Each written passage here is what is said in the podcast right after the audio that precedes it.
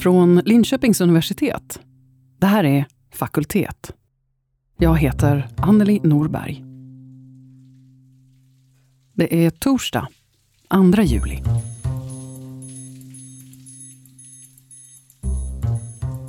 Vi vill duscha varmt och vi vill ha skönt och härligt i lägenheten. Inget konstigt. Helt självklart. För vi tar kommunal infrastruktur för given. Den finns till för oss, för vårt bästa. Och den är planerad och byggd och finansierad av oss med skattemedel. Så vad händer när kommunen säljer ut sitt energibolag? Hur går det då med duschvärmen? Och med hyrorna? I Fakultet idag om den svenska fjärrvärmen som attraktiv handelsvara på en internationell kapitalmarknad.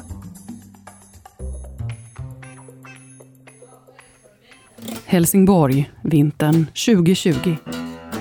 En kommunal strid i otakt. Den styrande alliansen vill sälja det kommunala energibolaget Öresundskraft. Men helsingborgarna vill annorlunda. Debatten är infekterad. Vanligt folk ställs mot politiker och risker mot andra risker. Ekonomiska kalkyler mot andra ekonomiska kalkyler. Och med en förkrossande majoritet blir det nej i en kommunal folkomröstning. Och den politiska majoriteten får tänka om.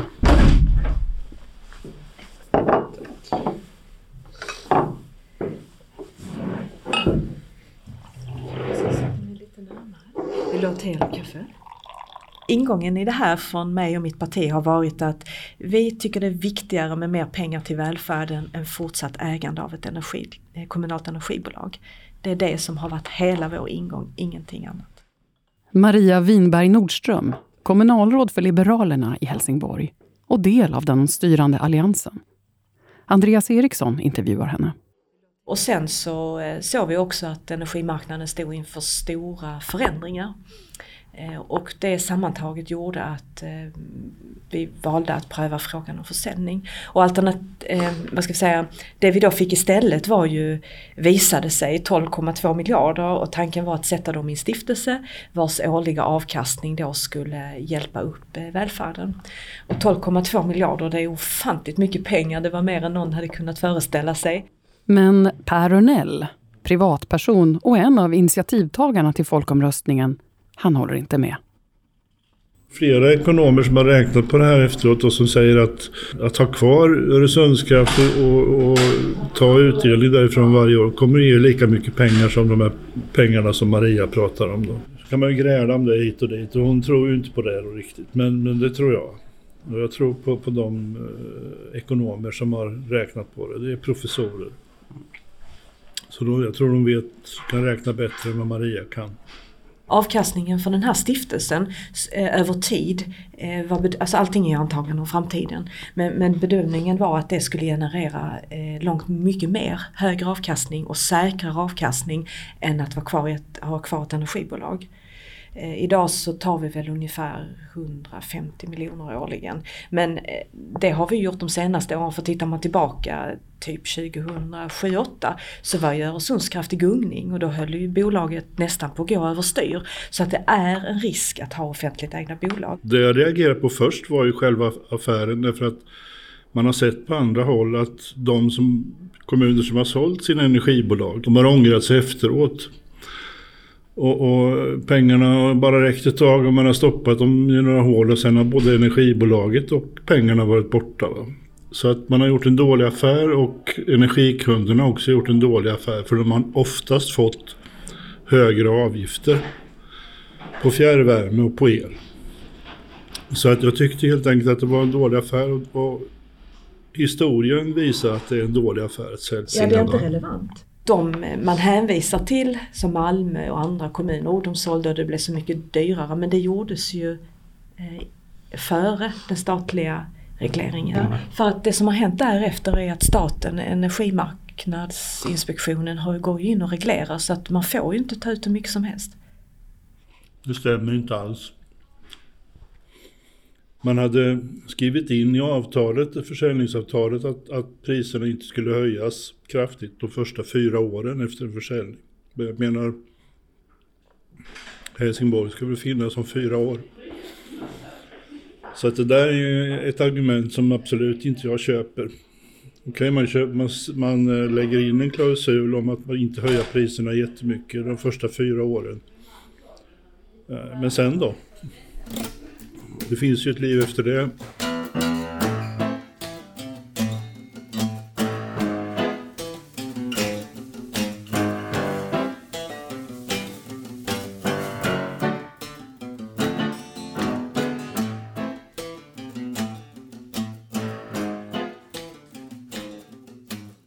Jag trodde inget annat än att det skulle bli ett nej där, faktiskt. Det, det skulle förvånat mig jättemycket. Dick Magnusson är forskare vid Linköpings universitet och han har följt den svenska avregleringen av energimarknaden som inleddes på 90-talet.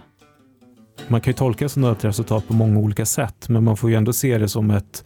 De tycker att kommunen har gjort ett fortsatt bra jobb som ägare. De vill inte ha en annan ägare. Skulle man varit jätteirriterade på kommunen eller varit, haft ett misstroende mot kommunen som ägare, då hade det blivit ett annat resultat. Man visar väl ändå på något sätt någon slags förtroende för kommunen att fortsatt driva energibolaget.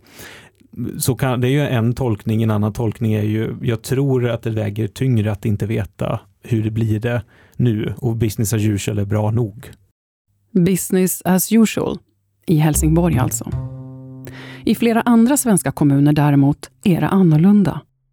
Totalt är det idag ungefär en tredjedel av energibolagen som åtminstone delvis ägs privat.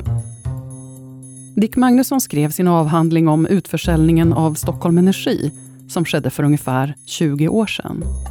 Och om hur avregleringen av elmarknaden också påverkade fjärrvärmen. Och han har undersökt effekterna även när Uppsala sålde sitt energibolag strax därefter. Och han är fascinerad av hur attraktiv den svenska fjärrvärmen är på den internationella riskkapitalmarknaden. Ja, nej men det, visst är det spännande. Det är så märkligt att fjärrvärmen i, i mellansvenska kommuner ägs utav australiensiska, kanadensiska pensionsfonder eller stora kapitalinstitut i Schweiz. Det, det är jättekonstigt. Det, det, är ju så det ser ut idag, men så som fram, fjärrvärmen är framvuxen så, så är ju det väldigt främmande. Det är ju en kommunal angelägenhet, det har alltid varit det. Man vet vem det är som är ute och eh, om det blir läcka, man vet man, vem man ringer till liksom, i de här små orterna. Och, men, och det betyder ju inte att det sitter någon i Schweiz och med någon som marionettmaster, så här puppet master, men det, det innebär ju att det, det sker blir ett avstånd faktiskt. Det gick fort också, den omställningen gick väldigt fort. Gjorde den. Idag har 90-95 procent av alla flerbostadshus fjärrvärme. Och det är mer än hälften av hela värmemarknaden.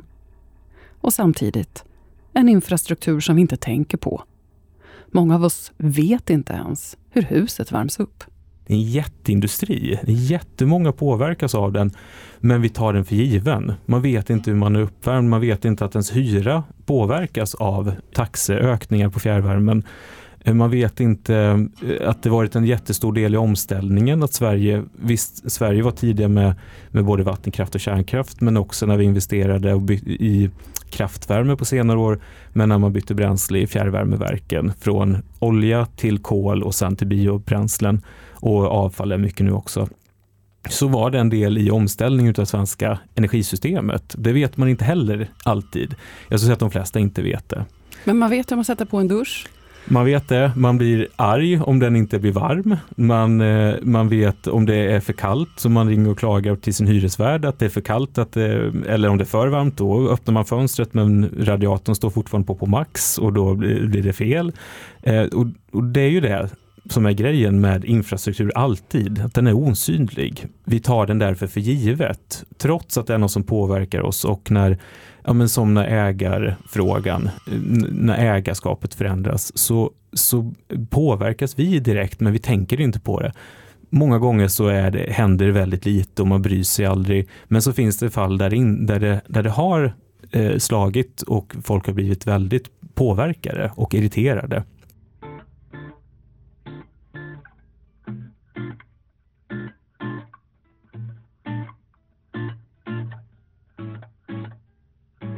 All infrastruktur, alla energisystemen i praktiken historiskt har ju vuxit fram i liksom statlig eller offentligt ägande, offentlig regi.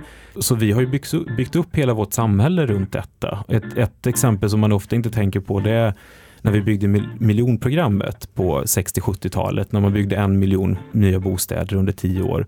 Eh, så då expanderade man samtidigt fjärrvärmenäten så att alla de här bostäderna, framförallt flerbostadshusen, de fick fjärrvärme. De fick vattenburna uppvärmningssystem de fick fjärrvärme, och, men man tänker inte på det heller. Och man tänker inte heller på hur att den storskaliga planeringen som man idag och redan då kritiserade, eh, den styrdes av det här storskaliga infrastruktur och systembyggandet också.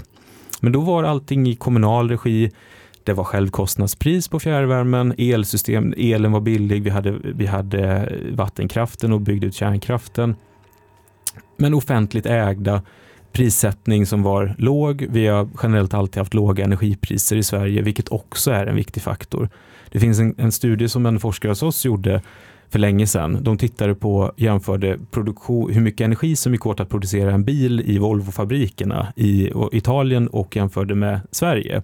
Och att det gick i praktiken åt tre gånger mer energi på Volvo-fabrikerna och det berodde på, man, man tittade på många olika saker, men det berodde på Italien när det var rast det var knäpptyst i fabriken. Man släckte lyset, man stängde av allting medan på Volvofabriken där, då står bastuaggregatet på över hela påsken. Så att man, det, det, ger en bild av hur vi tar energin för givet och att vi, eh, vi, vi är vana vid att det inte är en betydande del av vår, våra utgifter varje månad. I andra länder är det en helt annan sak.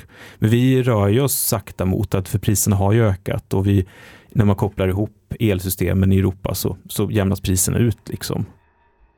Men ändå är det enorma infrastrukturkostnader, investeringar som ja. har skett för att få det här att Precis. en gång komma till. Ja, och det är ju, man ska inte heller förminska att det redan idag, det är ju en betydande del. Bor man i ett, en villa och betalar fjärrvärme på vintern så, så är det en betydande del.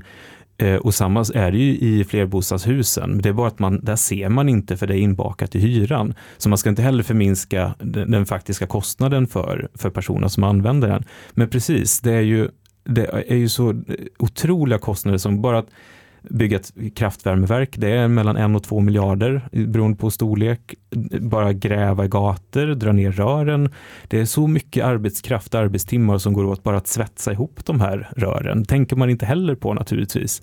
Och, och, men mycket har ju då skett tidigare in i offentligt ägande, i viss mån med subventioner. Eh, man, har, eh, man har stöttat det på många olika sätt. Men, men när det där går över från att vara offentligt till att bli privatägt, någonting händer där. Det var i slutet av 90-talet som den svenska energimarknaden avreglerades. Men framförallt var det i början av 00-talet som väldigt många små och medelstora kommuner sålde. Och skälen var flera. Det fanns en oro för att kommunen inte skulle klara av en avreglering. Det var någonting nytt. Hade man verkligen rätt kompetens? Och vad skulle hända om priserna gick ner? Men framförallt var det kanske den kommunala ekonomin som avgjorde. Under no rätt få år blev, ritades hela den här kartan om. Det är ofta de här mellanstora och faktiskt ibland riktigt små är som, som försäljningen har skett. Så det innebär att i Norrlands inland och i, i Dalarna och i, i Bergslagen och de här områdena, då är det privatägda bolag och ganska internationellt ägda, väldigt internationellt präglade sådana. Beror det på att de här små kommunerna är mer känsliga för ja, när resurserna blir eh, eh mindre? Man kan säga att man kan faktiskt avfärda att det generellt faktiskt inte var en ideologisk fråga. Det finns kommuner som är undantag där. Det ser man, det är lika mycket eh, socialdemokratiska som har sålt.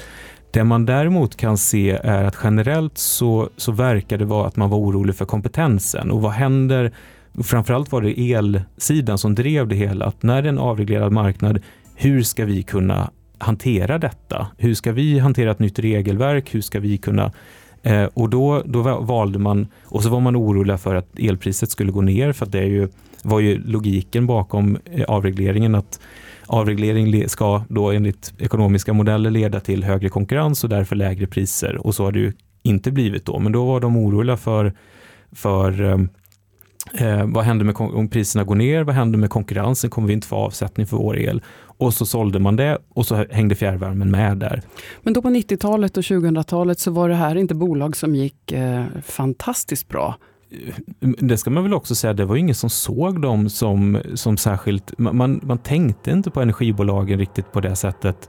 Det är klart att de inte skulle ha varit övertaliga i personal eller sådär, men man, man, man, den här logiken, så som jag tolkar det åtminstone, så, så fanns ju inte marknadslogiken riktigt i tänket överhuvudtaget. Inte alls som det blivit på senare år. Och, ehm, så den var nog rätt så oproblematisk. Man såg det som väldigt mycket av en, av en teknisk fråga. Det här var en försörjnings och tillförselperspektiv på det hela.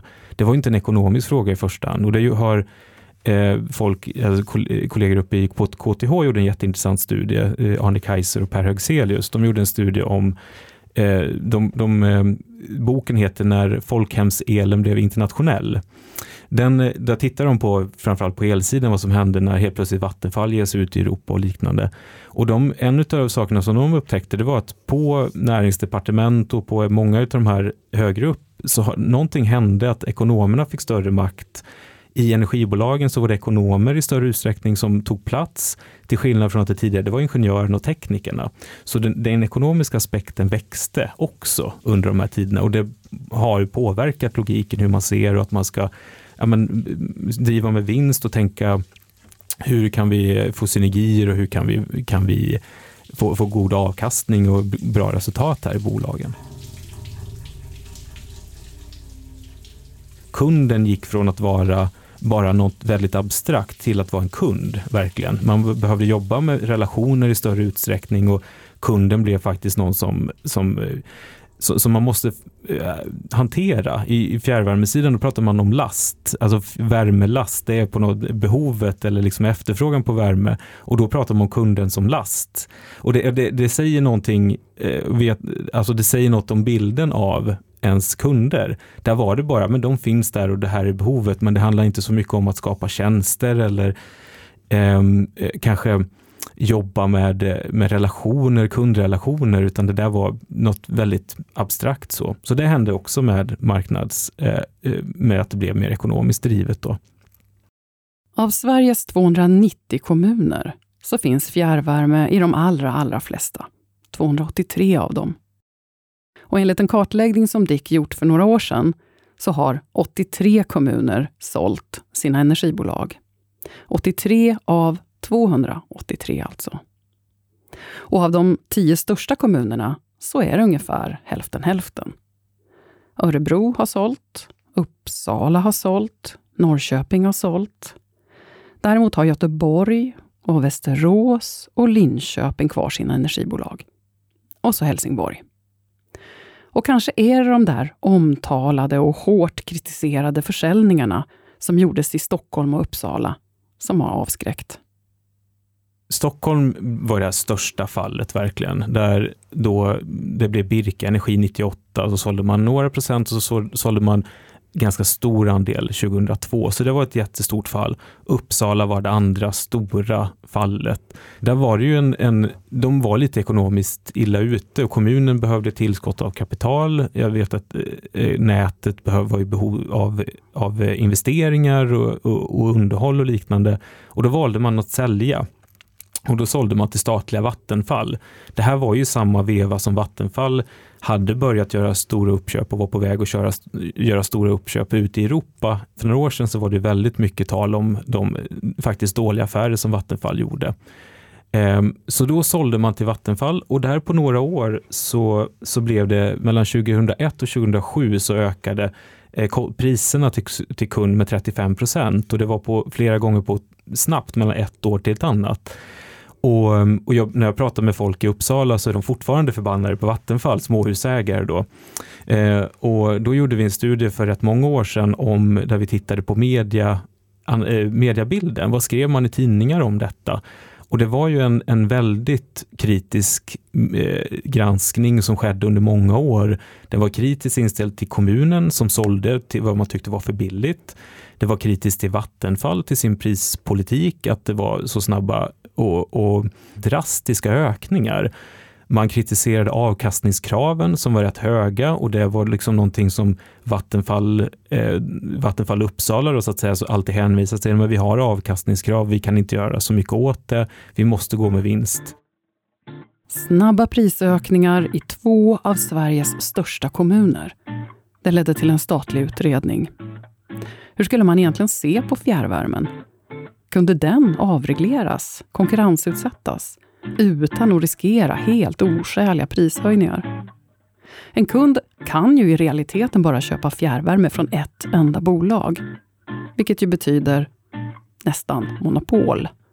Och då kan ju priserna drivas upp. Det har ju lugnat ner sig, men de här åren i Uppsala var väldigt omtalade och omskrivna. Och väldigt många bostadsrättsföreningar, villor eh, gick över till bergvärme eller andra energikällor. Ja. För att de var så arga. Ja, och det var en, en, en episod som man skrev om. Det var hur, hur Akademiska Hus var själva på väg att bygga sitt eget, eh, sin egen fjärrvärmeanläggning.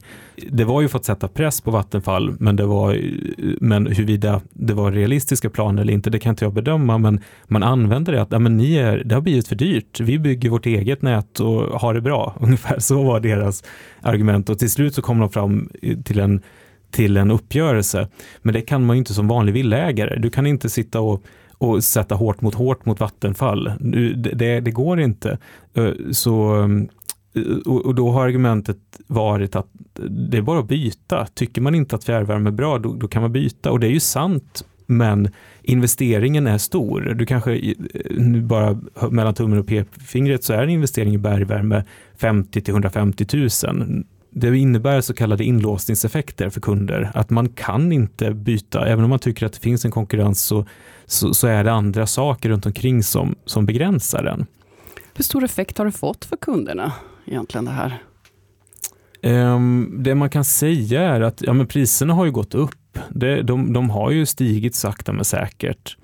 Uh, jag tror att det har stabiliserats i hur förbannade man är på energibolagen. Det var mycket de där åren.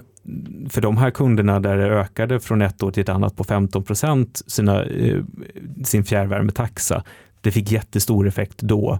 Och, och sen läker tiden sår. Men där hittade man, man skulle kunna vidare argumentera för att där de här snabba prisökningarna, där satte man en standard för hur, hur priserna skulle se ut, hur prisökningarna skulle se ut, inte 15 procent, men en betydligt högre än tidigare och det har lett till väldigt stora avkastningar. God, det är god ekonomi, de här som har etablerade fjärrvärmesystem och man kan göra bra resultat och vinster och eh, faktiskt utdelningar. Många av de här de som en gång har sålts, de tenderar att säljas igen. Ehm, så att många av de här som sålts vid ett tillfälle, de har sålts flera gånger. Då ska man komma ihåg vid varje sån affär så vill man försöka räkna hem sin investering. Och det har man kunnat göra, men det är ju på bekostnad av att vad har man in, visst man, man kan effektivisera sin produktion och allting, men var är det man får inkomster ifrån? Jo, men det är fjärrvärmetaxan. Så det är klart att nu har ju Stockholm köpt tillbaka en del av bolaget, men man äger det fortfarande tillsammans med, med Fortum, då, finska ägda Fortum. Och man kunde göra en utdelning på 850 miljoner i senaste årsredovisningen. Det är jättemycket pengar. Det är en bra affär helt enkelt.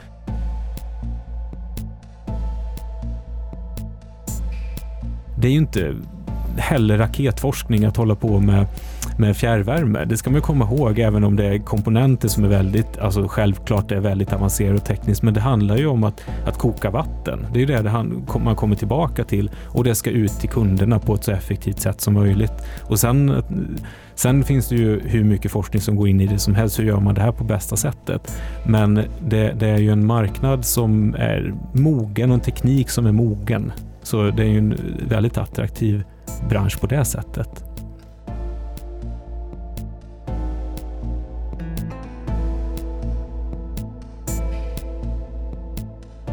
E.ON är ju, en, är ju en stor aktör och har funnits länge. De köpte ju in sig successivt framförallt i Sydkraft som är nere i Skåne.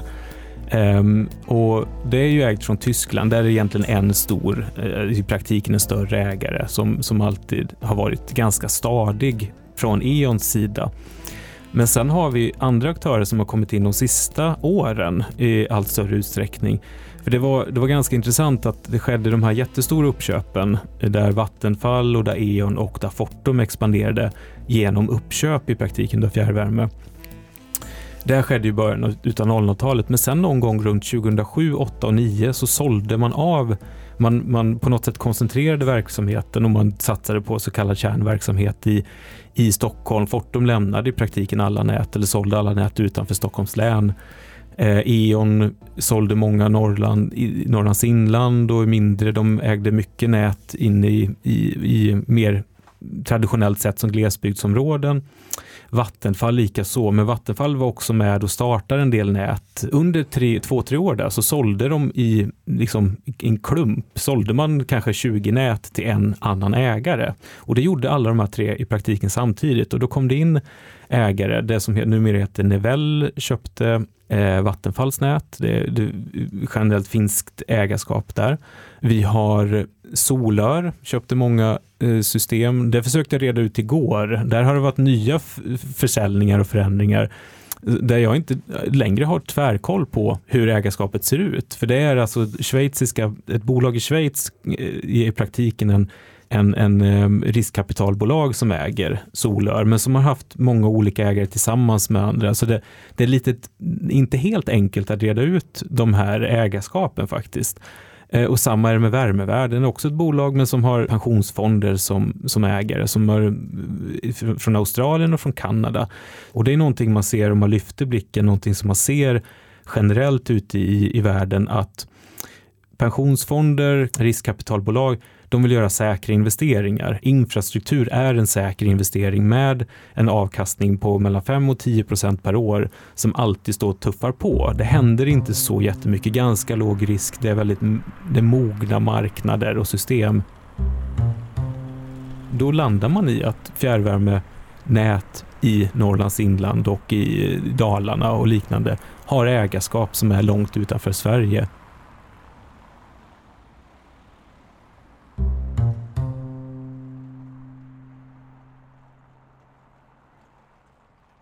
Man säger att det här var en så bra köpare och trevlig och bra pensionsbolag och allting. Men det är ju ingenting som säger att de behåller bolaget om man inte tycker att det går så bra som man har tänkt sig. Då säljer man ju förstås.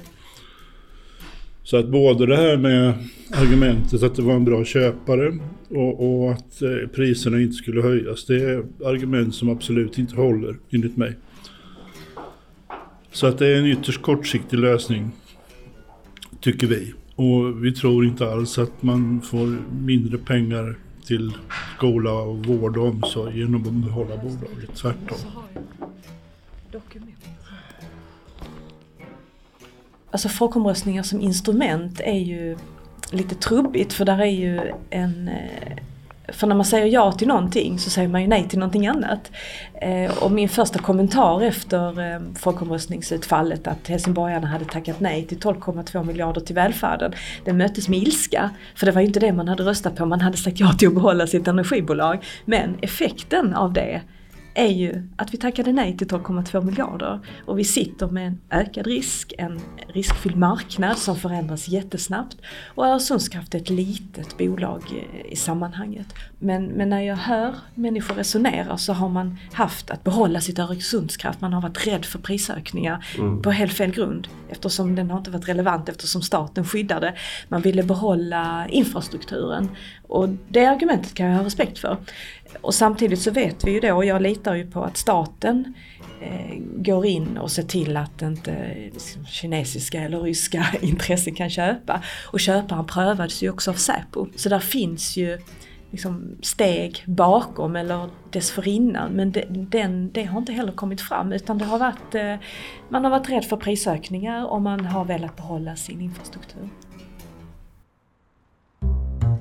Vi har ju också en borgen på ungefär en miljard för att Öresundskraft eh, handlar på energimarknaden. och jag sover inte gott med det.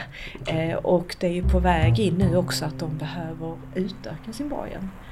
Eh, och vi får ju ta ställning i mitt parti om vi tycker det är bra. Och spontant så skulle jag vilja säga nej.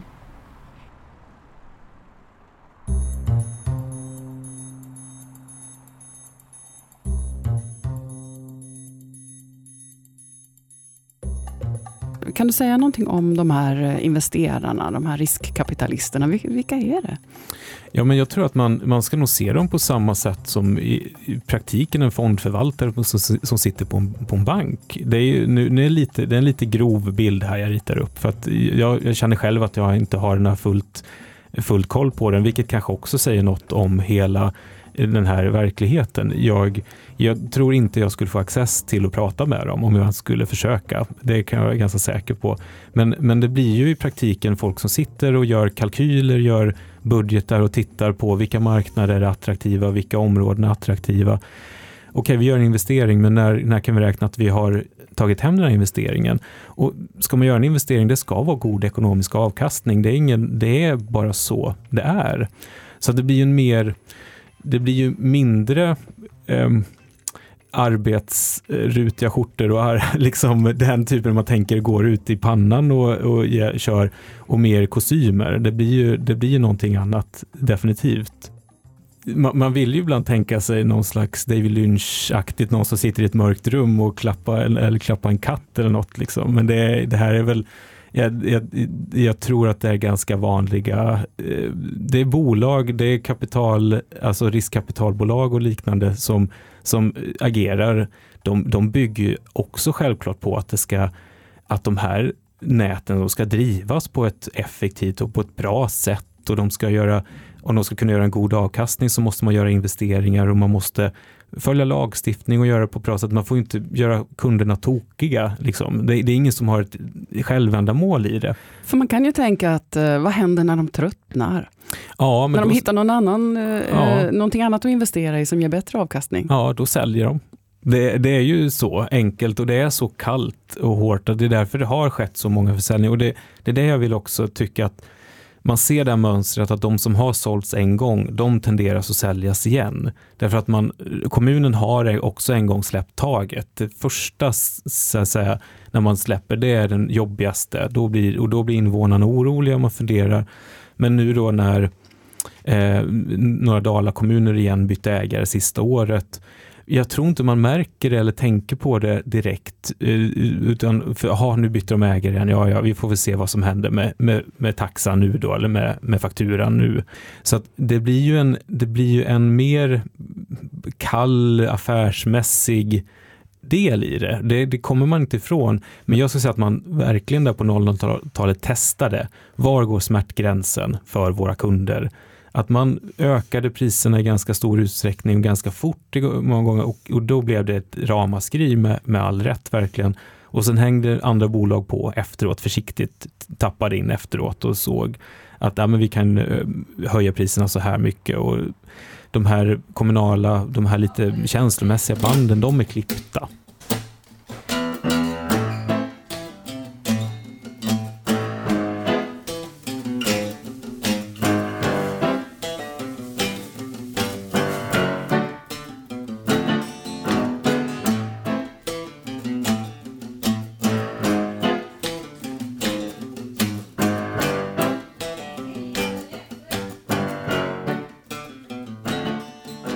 Det som är otroligt positivt är ju engagemanget. Det är något otroligt värdefullt i det för att likgiltigheten är det värsta. Sen hade jag ju önskat att debatten hade varit mer saklig. Eh, och när man också i efterhand pratar med människor hur de röstade och varför så är det ju inte alltid bara Öresundskraftet utan det är ju att man vill ja, ge etablissemanget en känga. Ja, ni vet hur det är. Människor har ju många bevekelsegrunder ofta och så är, funkar det. Det mest positiva som jag ser det då, det är ju det att, att det faktiskt gick. En liten grupp engagerade medborgare lyckades eh, besegra dem kan man säga. Och det tar jag med mig som en styrka. Eh, och, och, att, eh, ja, att det går att påverka politiken eh, som vanlig medborgare. Och det tror jag många fler än jag känner som en sorts efter efterrätt här va. Att ja, men det gick och det kanske går i andra frågor också. Och jag hoppas ju att vanligt folks engagemang i politiken ska bli lite större i framtiden. För att det är ju så att många av oss bryr oss inte vad som händer i Stadshuset i Linköping eller i Norrköping eller i Helsingborg. Utan så länge det inte är några kontroversiella frågor så låter man ju folk, låter man dem hålla på. Va? Men jag tror att det är bra om folk engagerar sig och intresserar sig vad som, för vad som händer där. Människor är ju eh, mindre benägna att släppa någonting man har för att få någonting som man ännu inte riktigt har en föreställning om vad det är eller ännu inte har erfarit. Så att behålla en infrastruktur i kommunal regi kändes tryggare eh, och ett lättare val att göra eh, när, trots att effekten är att man väljer bort eh, 180 miljoner mer årligen till välfärden. För de pengarna finns inte idag, så man har liksom ingen erfarenhet av hur det är att ha dem. Alliansen här i Helsingborg då, med Moderaterna i spetsen, de har ju styrt nu i, i eh, 13 år. De är inne på sin fjärde mandatperiod. Och man är ganska van att få sin vilja fram i stora frågor. Va? Och jag tror man blir lite, lite döv liksom. Man är inte van att lyssna utåt folket utan man lyssnar mer på sina egna tjänstemän och på olika experter. Så jag tror att man, man, man var inte van att ha örat vid marken och lyssna. Och hade man gjort det så hade man ju insett att man borde avbryta de här planerna mycket tidigare. Ja, det har med det att göra väldigt mycket. Och sen att folk blev förbannade över det här som man upplevde som ett fulspel. Eh, att man inte berättade om de här planerna förrän man absolut var tvungen till det. Men, men eh, en lärdom jag också drar av Öresundskraft är ju att eh, debatten att politiken blir hårdare på den här Facebook-sidan. Jag har inte varit, jag var, gick in i en diskussion men sen har jag inte varit där inne alltså grova anklagelser mot oss som företräder, företräder ja-sidan. Och det är klart, det bidrar ju inte till ett sakligt och nyanserat politiskt samtal. Sen är jag den första som älskar liksom, retoriska, heta debatter i fullmäktige. Men det finns en klockren gräns. Man ska ge sig på sak, men aldrig person. Och här har det varit mycket misstänkliggörande och liksom falska uppgifter om prishöjningar och så. Och det gör ju också, tänker jag, att politiken eh, Eh, blir försiktigare. Och jag tror inte det är bra.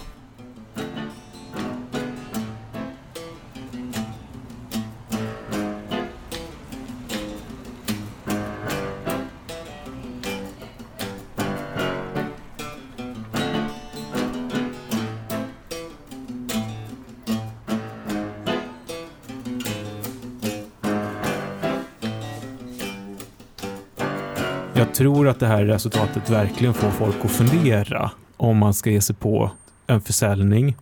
Men ingen av de här stora, för de som är det blir ju extra när det är så stort bolag. Det blir mer diskussioner än när Orsa säljer sitt fjärrvärmenät igen då. Det bytte ägare, har bytt några gånger till och med.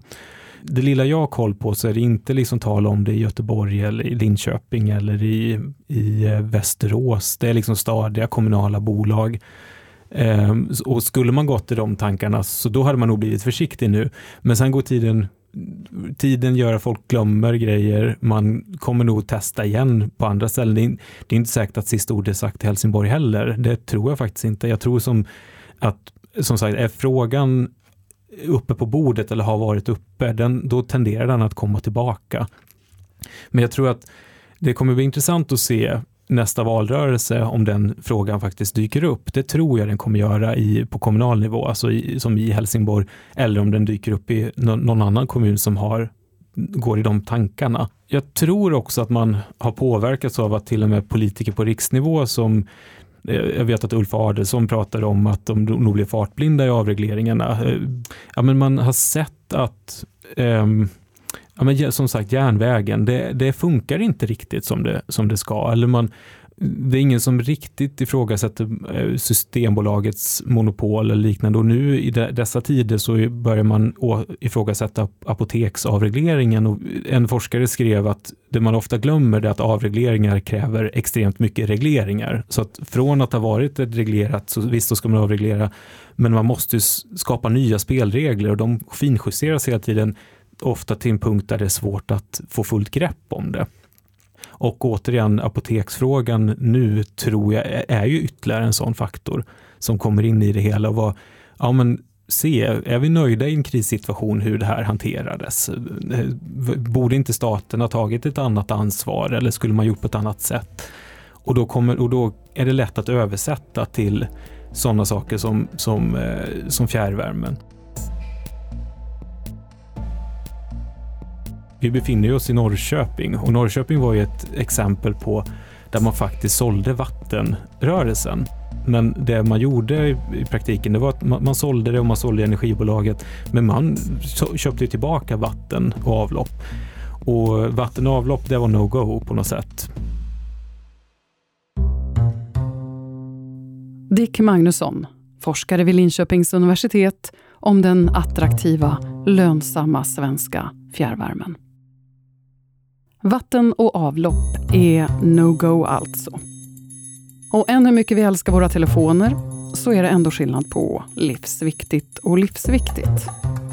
Telefonin räknas faktiskt som det goda exemplet då avreglering faktiskt funkat. I Fakultet imorgon då fortsätter vi på temat kommuner och dålig ekonomi för trots att flyttströmmarna går ut från Stockholm så har Ydre och Borlänge och Sollefteå ganska lite att hoppas på. Visst, unga familjer flyttar ut, men de flyttar inte så långt. Använd marknadsföringsbudgeten till någonting annat. För de unga kommer inte tillbaka. Det säger Josefina Syssner, kulturgeograf och forskare vid Linköpings universitet. hon undrar, varför vill små kommuner alltid bli större? Men det är imorgon det. Vi hörs då.